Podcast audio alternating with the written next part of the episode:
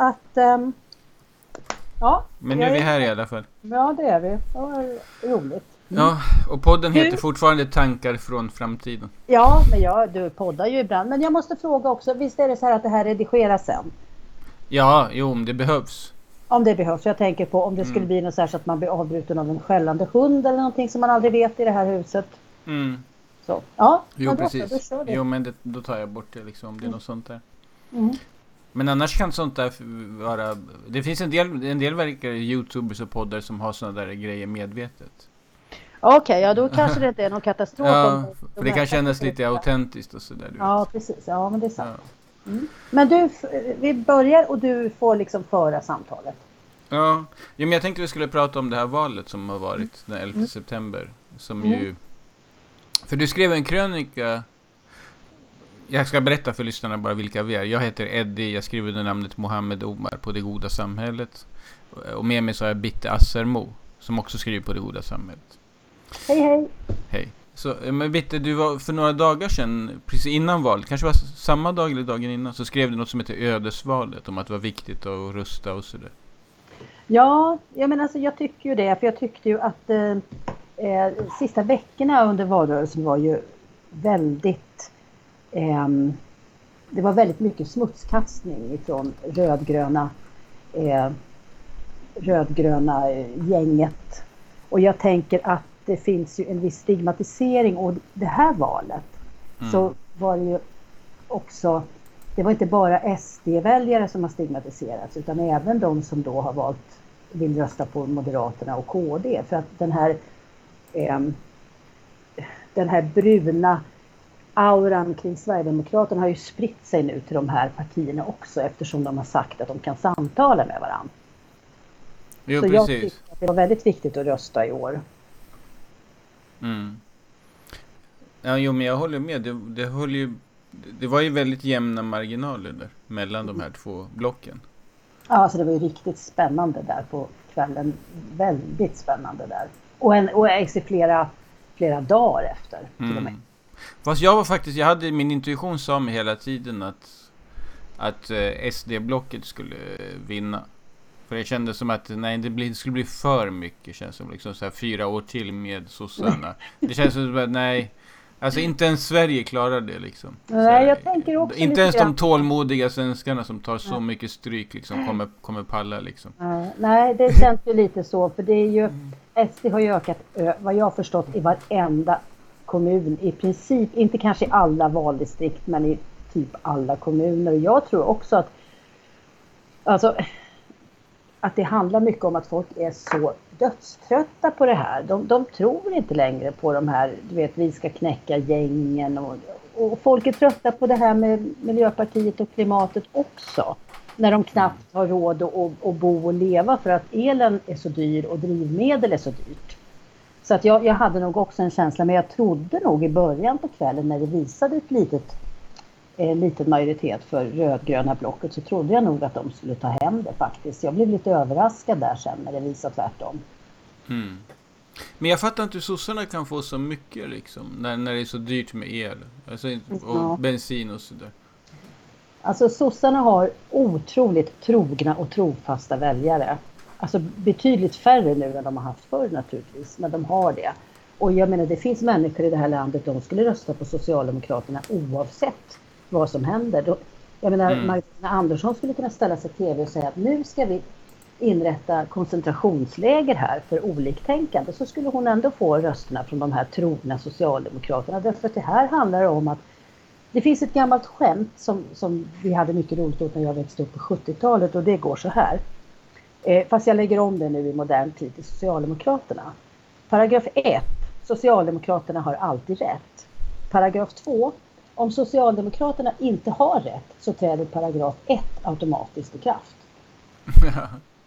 och det var ju då, chef, från början var det ju då chefen har alltid rätt. Va? Men det här, mm. jag, tycker det, jag tycker det är jätteträffande på, för att Socialdemokraterna de sista månaderna här så har ju de i princip tagit över hur många förslag som helst från SD och, och det ska vara det ska vara begränsat hur många invandrare som får bo i vissa områden och alla ska lära sig svenska när de är två år och det, ska, det är så otroligt tufft nu och det där är någonting som de bara har snott rakt av.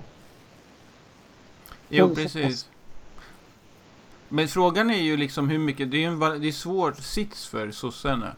För de här som du pratar om som är väldigt trogna, det är framförallt kanske äldre människor. Ja. Och, de, och de dör ju av.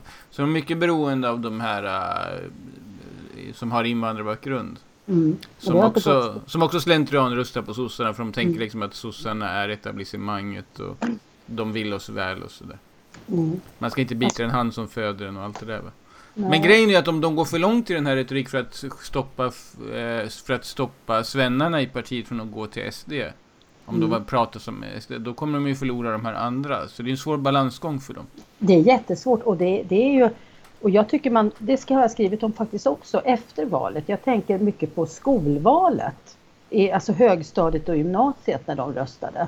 Det var alltså Moderaterna blev största parti där och Sverigedemokraterna näst största och Socialdemokraterna kom trea i skolvalet. Och, och, Miljöpartiet fick till och med sämre i skolvalet i år än vad de fick i riksdagsvalet och, det, och, och även vänstern låg väl ungefär på samma, men det är ovanligt. Ungdomar brukar ju tendera att luta sig åt vänster. Alltså, mm. Enligt min, som jag, jag kommer ändå ihåg ganska långt bak och jag kan inte, jag vet inte när det senast var liksom majoritet Mm. Det är precis. Jag tror de här journalisterna som skriver om Greta-generationen och allt det där. Mm. De, liksom, de, tänker på sin, de, är in, de tänker på sina egna barn.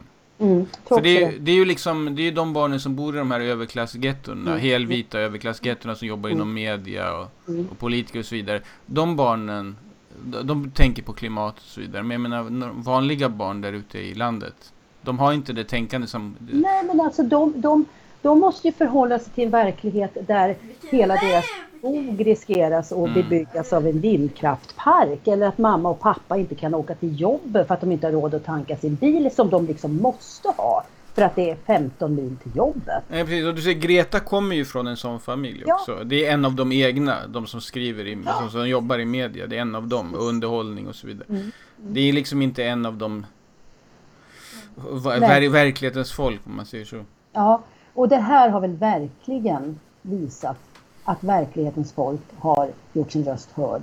För att jag tror att många har avstått från att rösta borgerligt och höger ändå i år för att de skäms. Så att jag tror att hade det liksom...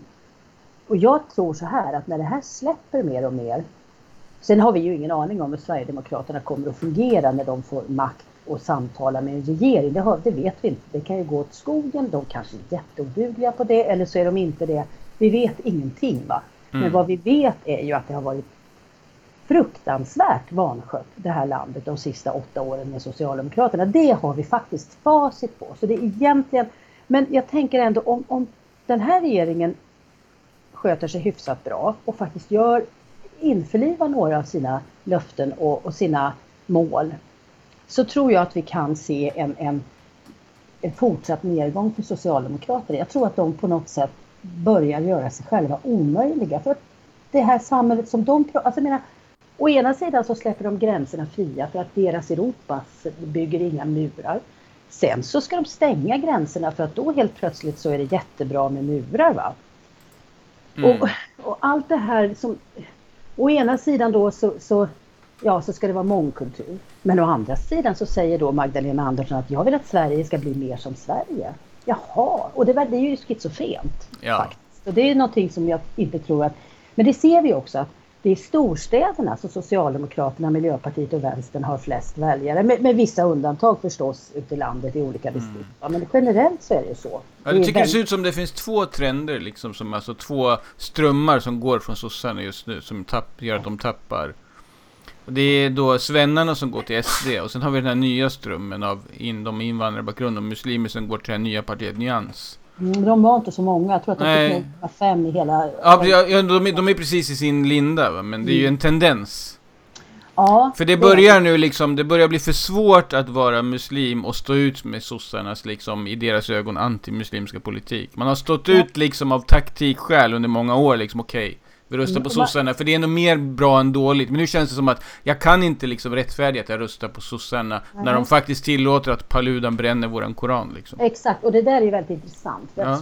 Socialdemokraterna har ju under åratal gett signalen till muslimer och islamister i Sverige att det är okej med särbehandling. Att de ska Exakt. ha speciella rättigheter. Mm. Det Och är nu känner muslimerna sig lurade liksom. När Paludan Ja, kunde ja. åka runt i hela Sverige och bränna koran och sossarna gjorde ingenting. De bara Nej, va? nej, de till och med fördömde upploppen och det var ju Ja. en fruktansvärd chock för de här människorna som faktiskt Exakt. har blivit lurade av Socialdemokraterna. Ja, de trodde sossarna skulle vara lika arga som dem, eller åtminstone förstå dem.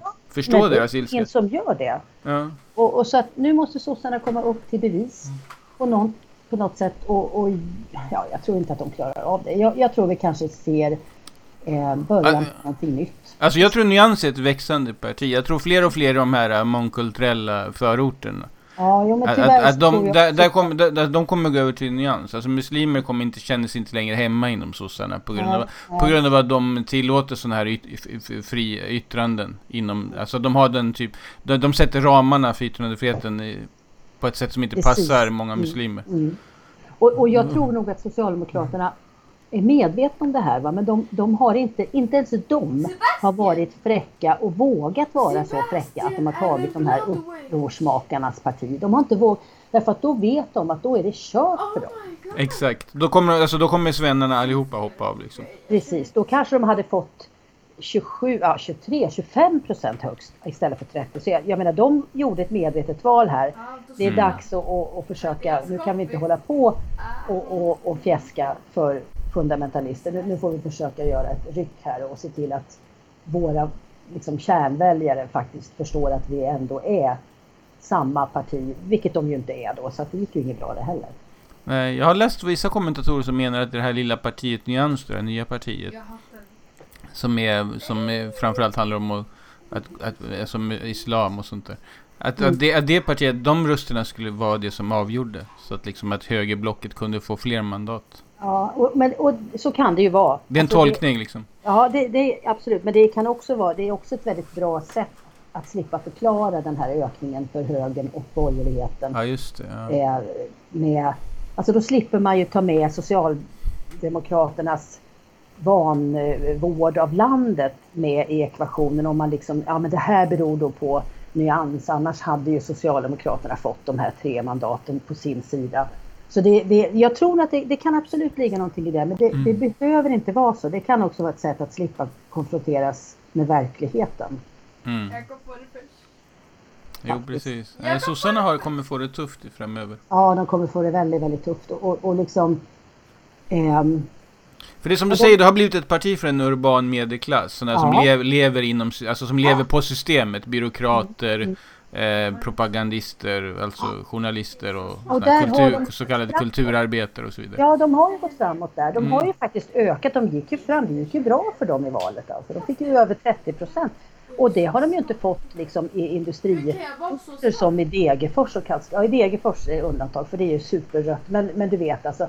Mm. Eh, I min gamla hemstad i Karlskoga som har varit socialdemokratisk ja, sen, alltså sen min pappa var ung på 40-talet. Där har ju nu moderater, Moderaternas största parti och sossarna näst största. Och jag vet inte om de har varit näst största där någonsin. Det, det, jag har inte följt med så bra i deras val i och för sig senaste valen. Men, men eh, och Sverigedemokraterna är tredje största där och det är ju alltså Mm. om, om Sverigedemokraterna och Moderaterna och KD skulle samarbeta i den kommunen så skulle de alltså ha majoritet där. Och Mm. det är en sensation tror jag. Ja. Det är svårt. Jag har träffat ganska nyligen en sån här gammal dinosaurie som inte vill släppa sossarna. En, Aha. Mm. en arbetargubbe från Göteborg som snusar och sådär. Och är sådär väl, man tänker att det där är en sån där gubbe som borde ha fattat nu liksom. Nej, han vill inte förstå. Han är fortfarande liksom att, nej men, Sverigedemokraterna det är ett jävla pack och de är bruna och sådär. Mm, mm. Och liksom, han tycker fortfarande att man måste betala skatt och helst gärna mer skatt. Och han har liksom inte fattat att skatt, så mycket av det går inte till något vettigt. Det bara slösas bort av de här sossebyråkraterna på skräp. Ja, Han, alltså han har liksom inte vaknat än. Nej, och vi får ju... Jag, jag tycker att, det, att man ska fråga sig faktiskt vad fan man får för skattepengarna. Ja. Som han, vad han hette, han sa, det blev ett sånt himla liv. Men det Ja. är ju inte... Det, det är ju så mycket som vi inte vet vad pengar... Det är så många fall där vi inte vet vad pengarna går. Vad går pengarna till?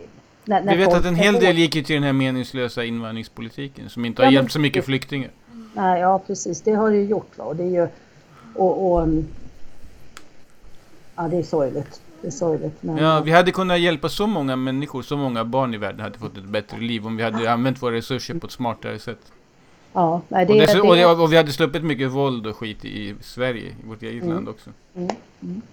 Men tyvärr. Ja, vi får se nu vad som händer och vad det blir för regering och eh, vi kanske ska podda igen när vi har fått en regering och, och se, se vad vi tycker och tänker om den. Men ehm, ja, det är... Nej, som sagt, det var... Det, jag tycker också att det var lite roligt. Nu har inte jag sett, men, men jag såg en bild ifrån TV4s morgonnyheter dagen efter valet i måndags förra veckan. Och jag vet inte om det var en slump eller om det var medvetet, men alla i studion var alltså svartklädda då. Inklusive Göran Greider som alltså satt i en svart skjorta och svart kostym. Och jag vet inte när han, det kan väl inte ha, han ha haft någonsin offentligt förut, vad jag har sett i alla fall. Han brukar väl ha det en sån där rutig skjorta, sån Ja, men det var väl alldeles för glatt och, och, och, och, glättigt vet du. Men nej, så han satt, i- jag har sett bilder från det, han satt i svart skjorta och kavaj. Vad skumt. Alltså Ja. det, det kan vara, det låter som väldigt så här utstuderad psyop. Ja, eller så är det inte dumt. De kanske Ja. kände individuellt var och en där att, att deras liv, att de hade sorg då. Det kan ju vara så att de liksom Ja. kände så, så att de när de gick upp på morgonen så tänkte de att nej, jag klär mig som jag skulle göra om min mamma just hade dött så jag skulle gå på hennes begravning. Det känns lämpligt en sån här dag. Mm. Enligt Socialdemokraternas främsta expert på fascism, Henrik Arnstad, så, kommer, så kommer det inte bli några fler val efter det här. Nej, men det, eller hur? Han har sagt att det blir inga fler val. så Nej, nej, men vad bra. Då ska För vi det, det är så det börjar. Ja, Så- det så vi är alltså befinner oss alltså nu i, det är, inte, det är inte Tyskland 1933, det är Sverige 2022. ja. Men det är bara 91 år eller, 90 eller vad det nu är emellan där, eller 101, Mm. jag vet inte. Men 90, 91 år emellan, så att det är klart det kanske, ja, nej, så Stefan- han har sagt det. Ja, Stefan Löfvens rådgivare. Ja, har- var verkligen Stefan Löfvens rådgivare? Jag vet inte, han brukar kallas så på internet. Ja, jag vet inte vet men jag har aldrig fattat om det var ett skämt eller om det var, jag tänker liksom Ja, jo det är för att Stefan Löfven citerade honom igår. Han sa, han, någon Ja. gång så sa Stefan Löfven någonting, något korkat. Och så sa han så här, jo för det står i en bok av experten Henrik Arnstad. Ja men vad kul, ja okej. ja. Som han förmodligen hade läst då, såklart. Ja, kan, eller fått Han, är, någon som han, hade slukar, läst- han slukar böcker, Stefan Löfven. Ja men det gör han säkert. Särskilt Han om, säkert- särskilt om islam och sånt där. Ja, han är kan väldigt mycket om det. Ja men han är ju, vi har pratat om det förut du och jag, att han kan ju så mycket om islam så att han, Ja. han vet att vi aldrig ska kritisera islam. Ja, han har läst så mycket att han verkligen har börjat respektera religion. Ja, nej, men jag tycker Efter det att ha gått igenom alla haditer som verkligen har slagit igenom och liksom satt sig och rynk, med rynkad panna och bara såhär Det här grabbar, det här är stora tankar. Det här måste vi respektera. det, här är det här är djupa människor. Det här, Mm, precis. Ja, det här, ja. kan man det skriv, är- Skriver man så här tjocka böcker, då, då har man något bakom pannbenet. Det Ja, måste vi respektera grabbar. Ja. ja, nej, det, här är, nej, det, var, det var ett intressant val. Jag, jag tycker att det var jätteskönt att, att bli av med den här regeringen. De har faktiskt inte gjort någonting som jag har sett något resultat av i alla fall. Ingenting har blivit bättre för mig. Det har bara blivit sämre. Som, Ja. sen, ja, som förra valperioden också blev bara sämre. Ja men Ja. de skjuter ju bara mer och mer. Det ju nu, förut var det ju bara något mord i veckan, sen blev det ett om dagen. Nu verkar det vara flera mord per dag. Ja, det verkar det är ju hela tiden. Så att, Mm. och då, då, det är klart. Och sen, sen är det ju så här att det, det är ett stort problem nu. Det är ju alla dessa socio, soci, vad ska man säga, socifierade myndigheter som vi har i Sverige. Mm. Som är politiskt färgade av eh, liksom hundra år av rött på något sätt. Alltså det finns ju Mm. Det ska bli intressant att se vad som händer med det. För jag tänker på till exempel polisen va, som har haft eh, Alltså, ja men alltså vi, du vet han Ja, de verkar ha blivit super-PK, polisen. Ja men det, det är som att den är helt infiltrerad. Alltså det, det känns ju fullständigt, det känns ju som en socialtjänst 2.0. Alltså Mm. i, igår var det någon, något jättebråk i Husby. Det var ett gäng eritreaner som protesterade. Ja. Ett annat gäng Det eritreaner. var ett hundratal som blev gripna. här. 105 stycken var Herregud. hemtagna så tror jag de har gripit för. Och då säger alltså polisen i sin pressmeddelande att vi var inte förberedda på det våldskapitalet. Och då tänker jag så här, vem fan är inte förberedd på våldskapitalet i Husby? Efter alla år av bilbränningar. Och Det har ju varit stor- upplopp där. Ja, hur mycket som helst. Men det är inte polisen förberedd på. V- vad är polisen förberedd på då? Är de förberedda på att sådana som jag ska gå ut och ta till vapen? Eller vad håller de på med? Jag Och sen när de skulle förklara varför folk sprang kring med tillhyggen och klubbade ner varandra och så vidare och skrek och hade sig så sa de att det var åsiktsskillnader. Ja, precis. Ja, ja. och, och det här är ju jätte... Och jag känner lite grann att... Jag tycker de uttrycker sig alltså ännu jolmigare och löjligare nu. Och jag tänker liksom att är det någonting som Polismyndigheten... Är det någon sorts protest mot att folket har velat rösta fram någonting annat? Hur, hur röda, alltså hur socialdemokratiska, rödgröna eller vad man ska säga, är våra myndigheter? Och det blir ju någonting för, för den här nya regeringen att sätta tänderna i alltså. Mm. Nej, jag tror det är total socifiering. Alltså. Ja, det tror jag också. Totalt. Jag tror, inte man, jag tror inte man kan yttra en sund, liksom, vettig tanke på, ett sånt på ett, liksom, en svensk Mm. myndighet. Nej. Utan att bli totalt stigmatiserad. Och ändå så finns det mängder med människor som jobbar. De är genommarinerade av akademins hela Ja, PK-tänk ja. och allting. Va? Men det finns ju massor med poliser som inte är det. Men de får väl inte vara med och prata i tidningar och i TV och sådär antagligen. Nej, nej, det, det tror jag inte. De håller nog käften. Så att, eh, För det att inte där, förlora den lilla lön de har. nej, och det, det, jag tycker det ska bli väldigt intressant att se hur man ska förhålla Ja. sig till, till Men det här eh, Eritrea-bråket är också intressant ur en annan aspekt. För det visar ju liksom hur man har importerat konflikter från andra länder. Ja, ja. Det är ju hela tiden. Det, där. det var någon, det var någon det var, kurder och turkar som sköt på varandra ett tag. När det var Assad-bråket, inbördeskrig ja, i precis. Syrien. Ja, ja, Då hade du syrier och, som var gillade Assad och de som inte gillade Assad som bråkade överallt. ja, men det är den här tanken att när, när folk kommer till Sverige, då blir de ju snälla socialdemokrater. Som inte liksom lägger allting bakom sig. Det, det finns ju någon sån där dum tanke om det. Ja, nej, nej. Alltså de, de, emotionellt och mentalt så är ju väldigt engagerade i hemlandets politik. Mm, ja. Du såg ju vilka starka känslor det här väckte. Ja, Mm. Att det var någon som var för regimen i Eritrea och någon som var emot. Och det är ingen av dem bor ens i Eritrea. Ändå ska de slå ihjäl varandra på grund Ja, av ja. vem, någon är för emot regimen. Och då är det åsiktsskillnader. Ja, men det hade varit intressant att se vad, som hade, vad polisen hade sagt om det hade varit Sverigedemokrater och vänsterpartister som hade slagits. Ja, precis. Ja, nej men det, är- det, det är en fara det där liksom. Att man, Mm. att när det blir väldigt stora, när det blir många som håller på. så Då, då blir det som, då kan man ju liksom bli som en fortsättning av om det är ett väldigt våldsamt, våldsam konflikt i hemlandet. Det finns ju risken att den fortsätter i Sverige. Ja, och det här är någonting som, nu ska vi inte bara skylla på Socialdemokraterna, för Reinfeldt-regeringen gjorde verkligen sitt till för att öka på problemen. Alltså det var ju, de var ju, eh, det var ju helt vansinnigt. Som, de gjorde bilar med Miljöpartiet om invandringen och såna grejer. Liksom. Det var ju inte klokt det heller. Men det har pågått väldigt länge. Och, och, och jag tänker lite grann på det här som Ygeman sa då innan valet. Så här, typiskt desperat för att folk skulle rösta på dem. Det här, du vet det här med att det skulle bara bo 50 procent av utländska Ja, just det. Ja. Jo, men jag Ja, men Det är, ju, hörde... det är ju Socialdemokraterna som har låtit, alltså Socialdemokraterna har ju faktiskt styrt det här landet ganska mycket och ganska många och långa perioder. Ända, alltså först då mellan 33 och 76 när de var, styrde hela tiden. Men sen även från 76 så har de ju styrt, tror jag, minst lika mycket som borgarna, kanske mer.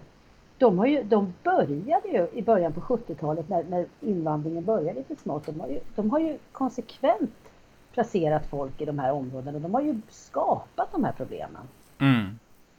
Jo, Ygeman brukar komma med sådana där äh, falska utspel då och då. Men vad tror du, vad tror du att medierna hade sagt om, um, om um, Sverigedemokraterna, om Jimmy Åkesson hade sagt en sån sak, eller Björn Söder om, om att det inte ska få bo mer än 50 procent invandrare i sådana områden som Rinkeby och sådär. Det hade varit fascistiskt.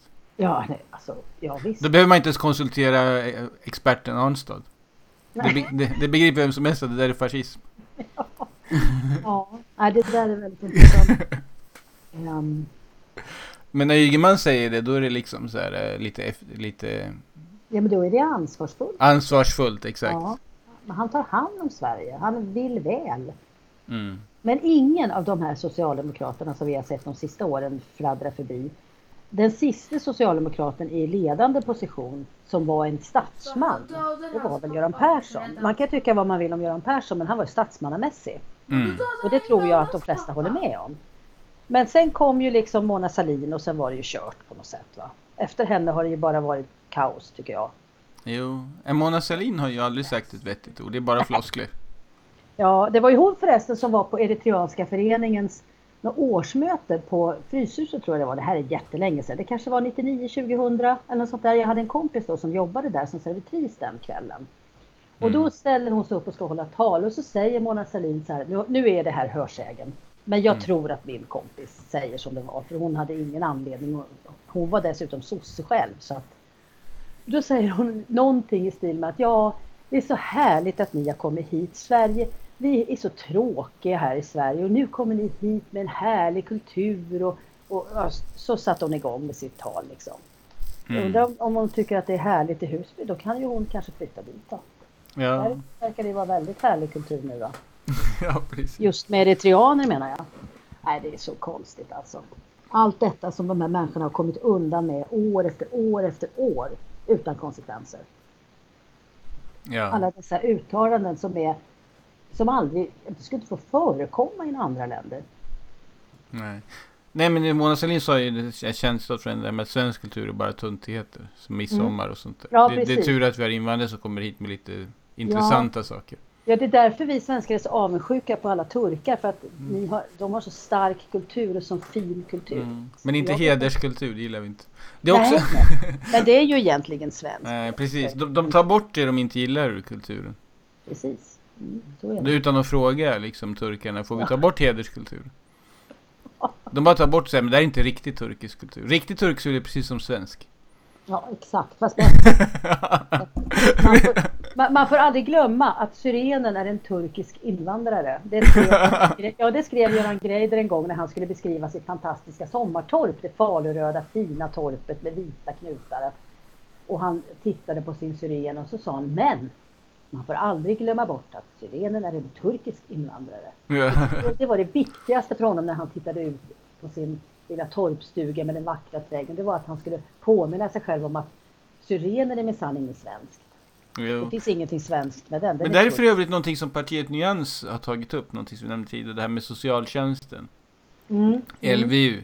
Och så tar mm. de också upp det här med hedersförtryck. Det, det, det, jag, får, jag har inte läst på jättenoga, det verkar som att de inte gillar det med att man ska att, liksom att myndigheter ska lägga sig i med hederskultur. Nej, det, det ska familjerna få hålla på lite som de vill. Ja, det är väl klart att de tycker. Ja. Men, det var, också där... men det var också en sån där grej som jag tänkte på, att de, att de, de genomskådar hyckleriet. Att de säger att de vill ha mångkultur, samtidigt ska man ta bort deras kultur då, som innebär att de har en egen sätt att uppfostra barn och sånt där. Ja, precis. Det, ja, det är ju sant. Nu, ja. nu, de till och med tvångsomhändertar barn för att deras föräldrar uppfostrar dem turkiskt. Mm. Eller sys, arabiskt. Och så säger de att de gillar deras kultur. Det går inte ihop. Nej, det går inte ihop. Utan det, det, man skulle säga där är att vi gillar inte er kultur. Så nu tar vi era barn. För i Sverige får man inte slå sina barn. Ja. Gifta bort dem. Istället kommer de med semantiska kullerbyttor och säger att just det där är inte er kultur. Ja, precis. Ja, precis. Och det där är er kultur är bara det som stämmer med svensk lag. Mm, mm. Hur, fan ska, hur går det ihop liksom? Så här, det enda som är genuint turkisk kultur är det som stämmer med svensk lag. Nej, det går ju och, och, och, det har vi ju sett konsekvenserna av nu. Ja. Faktiskt. Och sen är det ju ett väldans tjat då om Sverigedemokraternas rötter. Det har ju varit uppe. Alltså, om man kan säga någonting om det rödgröna blocket i valrörelsen så är det väl att de inte har lyft någonting annat än Sverigedemokraternas rötter egentligen. Men det vi pratar alltså, men samtidigt så har vi människor då som tycker att Vänsterpartiet är ett alldeles ypperligt demokratiskt parti och de hade alltså jag kommer inte ihåg när Lars Ohly tillträdde, men det var ju efter Schyman och, och han sa ju själv öppet att han var kommunist. Trots mm. att eh, Vänsterpartiet då hade bytt ut namnet Kommunisterna redan 1990. Så, så hans, föret hans företrädare var väl Lars Werner, eller var det Gudrun Schyman? Nej, det var nog Gudrun Schyman. Okay, Lars, Werner, jag tror Schyman Lars Werner var en sån som fick gratis sprit av Honecker och satt i DDR. Och... Ja, men alltså vet du att Vänsterpartiet kommunisterna, de har inte under den tiden som Sovjetunionen och DDR fanns, mm. så fattade de inte ett enda beslut utan att det var liksom sanktionerat hos Moskva eller i, i, hos Honecker. Alltså mm. varenda affisch de har haft i valrörelser, på demonstrationer, allting har kommit och, och partistöd och pengar ifrån Sovjet Alltså, och nu har de ju inget Sovjet att luta sig mot. Va? Men jag menar Vänsterpartiet har ju precis lika bruna rötter som Sverigedemokraterna någonsin. Ja, skillnad, skillnaden är bara att Vänsterpartiet faktiskt stödde en regim som Exakt. En existerande regim som faktiskt mördade människor. Men Exakt. SD liksom bara pratar. De har inte varit inblandade i någonting Nej, sånt där. nu har det funnits Alltså en riktig regim som de har fått stöd av. Nej, men det har ju funnits spår av Nordiska rikspartiet och det har ju funnits en och annan där som har stöttat, stöttade Hitler under, som faktiskt levde på den tiden och stöttade Hitler. Mm. Eh, Nu kan inte jag säga några namn, det kanske jag kan ta någon annan gång eller jag kan skriva om det. Men, det, Men menar inte i Sverigedemokraternas men in, historia. nej, inte, nej, precis. Utan de började ju som en liten, ja det var BSS och så här. Mm. Och BSS hade ju en del som var knutna till Nordiska rikspartiet och det är ju det är ingenting att hymla om, det är ju fruktansvärt. Men Ja. men det som har vuxit fram, och jag menar ska man nu acceptera Vänsterpartiet som, jag menar, som ett demokratiskt parti, då måste man acceptera Sverigedemokraterna som ett demokratiskt parti också. Ja, för, för, för, det, för när de pratar om Vänsterpartiet så nämner de ingen, aldrig deras historia. Nej, aldrig. Och, och jag har också skrivit om det vid något tillfälle nu senare om en journalist, en ledarskribent på Aftonbladet då som hade varit ute och valkampanjat med Nooshi Dadgostar. Och hon, hon hade då, fick då frågor när, i chatten som följde på det här i, i Aftonbladets chatt om vad, ehm, hur är det liksom med Vänsterpartiets historia? Men då var hon väldigt noga med att det är så länge sedan det här tycker jag. Nu pratar vi om Vänsterpartiet som det är idag. Och Ja. om man säger det om Vänsterpartiet då måste man säga det om Sverigedemokraterna också. Men det gör inte hon. Nej, absolut inte. Då är det hela tiden de ska lyfta fram några skelett ur garderoben. Det, Men Bitte, Ja. jag tänkte när vi, innan vi avslutar så tänkte vi kunde Ja. nämna någonting om vad vi tror om framtiden. Eller vad du tror om... Alltså, för, för att, hur ser det ut liksom? De har ju Liberalerna med sig i den här regeringen. Ja. Så det gör ju att det går inte att få, kanske få igenom så mycket av eh, den här lite mera strängare politiken liksom när det gäller brott, brott och sånt där, bekämpa gäng och så. För kanske Liberalerna tycker det är, de sätter Ja. sig emot sånt där. ja, men alltså Liberalerna är ju liksom ett osäkert kort tycker jag. Jag, jag skulle inte bli förvånad om de helt plötsligt fladdrar iväg åt vänsterut när det ska bildas regering. Det, alltså jag litar inte på dem för fem öre. Därför att de är Mm. så splittrade inbördes. Men jag tror ändå att om de vill komma in i riksdagen nästa val så tror jag att de gör klokast i att faktiskt vara på, i det blåa blocket. På Mm. riktigt faktiskt. Det är nog kanske en del som inte går att få igenom där. Tuffa Men, till sig helt enkelt. ja, de, jag tycker att de ska tuffa till sig och jag tror att de är, är de lite smarta nu och har lite smarta strateger så förstår de det. Eller så gör de inte det och så kommer de liksom att att, eh, börja vera och fjanta runt. Va? Och då, då är det tveksamt om de kommer över 4% nästa val. Men jag, ja, jag vet inte om man kan lita på dem riktigt så att jag vill nog inte Mm. förutspå någon. De skulle kunna vara en bra syndabock också för Moderaterna och SD och KD och alltid skylla på att Liberalerna gör, sätter käppar i hjulen för oss. Mm, om de känner att de inte kommer, kommer Ja, till skott. För de behöver svara för sina väljare varför saker Mm. inte blir gjorda och så. Men eh, däremot så tror jag att Liberalerna är helt eniga med det här att eh, det är de som har lagt förslag om att, att man ska kolla att barn kan behärska språket redan vid två, tre års ålder. Mm. Ursäkta. Ehm, Jo. så att, eh, nej, jag... jag Nej men jag var ju en av de här som, jag bodde ju i en mångkulturell förort. mm, Som, där bodde jättemånga trevliga människor. Mm. Och, mm, och när jag satte mina barn på dagis där så märkte jag att deras svenska inte blev bra. Så då Mm. flyttade jag dem så började jag skjutsa dem. Till ett annat dagis långt därifrån. mm, Så jag vet hur det känns. mm. När man blir orolig för att barnen inte får ett bra språk och så vidare.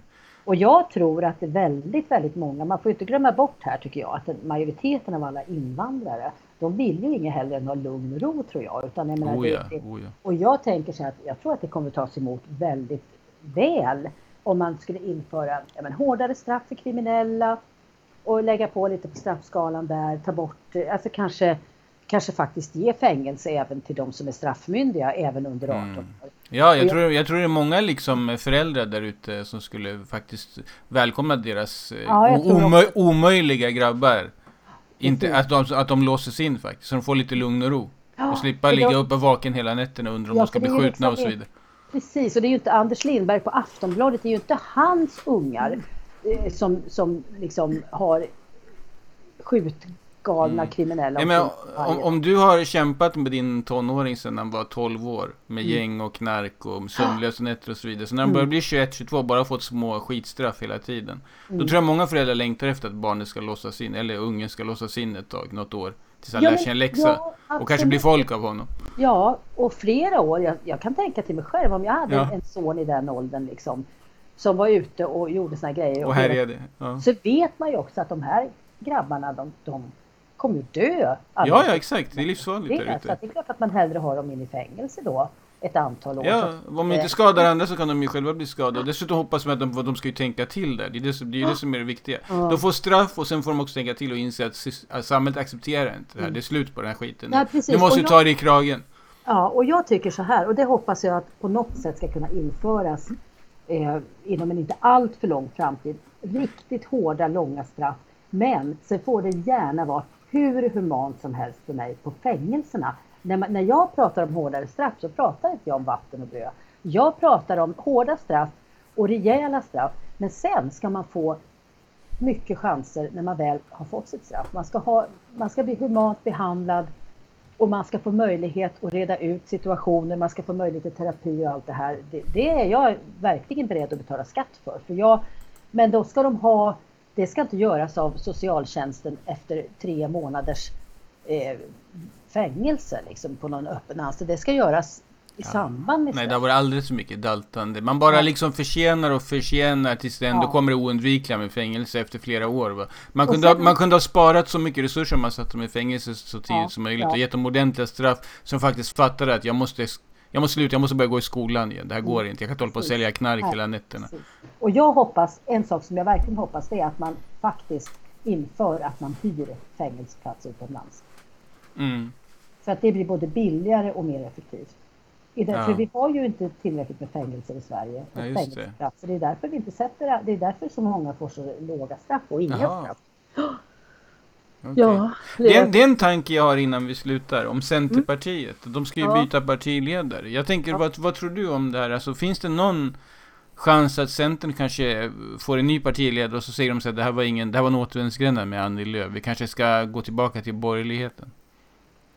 Ja, det beror ju helt på vilken ledare. Jag tror inte det nu. Jag tror att de kommer att välja någon liknande Annie Lööf, någon av hennes eh, liksom kultfans. Eh, mm. eh, men jag tror inte att det kommer att gå bra. Jag tror, för, jag tror att kanske om Centerpartiet fortfarande finns kvar nä, vid nästa val så tror jag nog att de är tvungna, och, för det är ett borgerligt parti.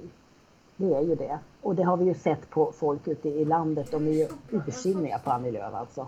De har ju mm. inte pratat om det förut, men nu har de ju pratat hej vilt här efter valet. De är ju trötta på det här. Men jag tror inte att de kommer att välja en jag tror inte att de kommer att välja en sån partiledare den här gången.